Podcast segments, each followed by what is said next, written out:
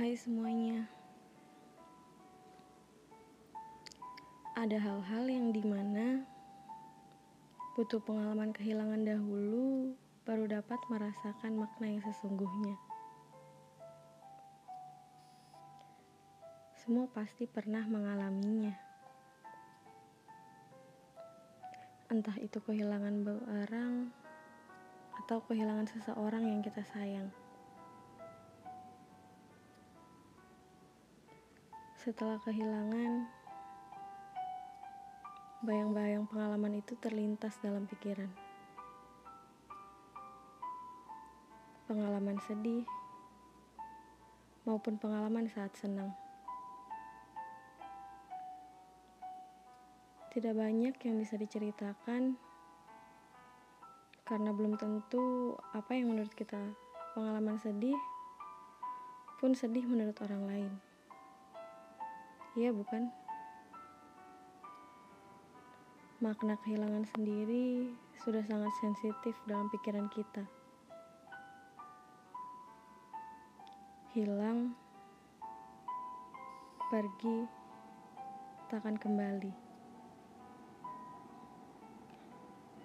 Setelah merasakannya, barulah terpikirkan. Bisa gak sih kita kembali ke saat itu lagi? Gak mungkin. Kita tahu pasti itu. Mayoritas orang-orang cenderung meratapi kesedihan yang berlanjut saat kehilangan. Karena pasti hal itu sungguh menyiksa menusuk hatinya. Membayangkan hal-hal yang belum dapat dilakukan bersama seketika pecah saat kehilangan. Menyebabkan sakit yang sangat dalam. Ada pula orang-orang yang terlihat sangat kuat. Yang terlihat siap menghadapinya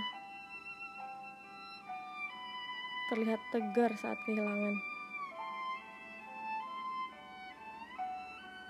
Ya karena ia tahu hal itu tak terelakkan. Padahal hatinya pun hancur, sedih, bahkan marah melihat kenyataan. Hatinya terpukul hingga tak tahu cak cara mengekspresikan kesedihan.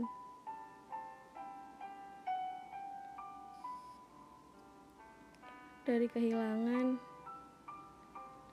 banyak pelajaran yang bisa kita ambil. Karena di dunia ini tak ada yang abadi, tak ada yang sempurna. Membuat kita ingat bahwa sesuatu hal tak dapat kembali bisa kita ulang. Menyadarkan kita untuk menghargai, mensyukuri kehidupan, tak menyanyiakannya. Karena suatu saat kita pun dapat hilang.